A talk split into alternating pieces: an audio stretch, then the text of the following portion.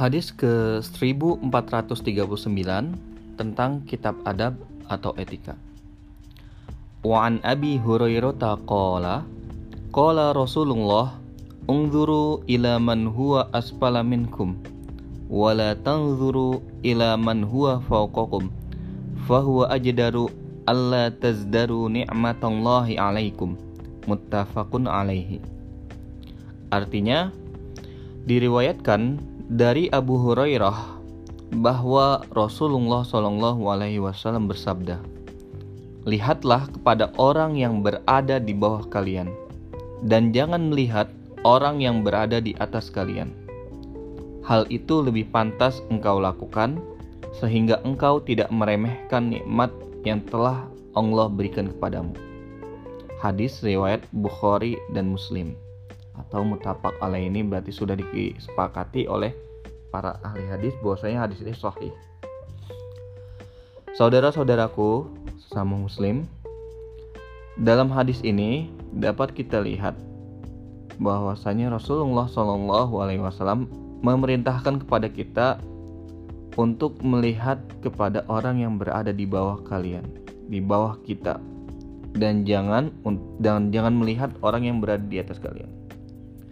Nah, hal tersebut memiliki sebuah makna atau sebuah alasan agar kita sebagai seorang muslim, sebagai seorang manusia, sebagai seorang hamba itu senantiasa terus bersyukur.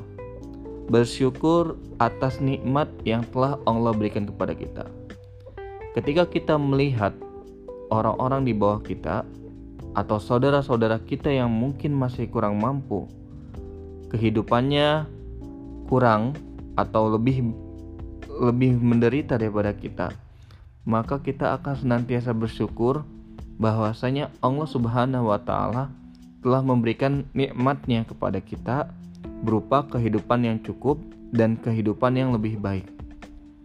Tetapi saudara-saudaraku sama muslim, perlu diingatkan di sini bahwasanya kewajiban kita adalah membantu saudara-saudara kita yang memang membutuhkan dengan cara memberikan sedekah, infak, dan juga zakat kepada saudara-saudara kita tersebut.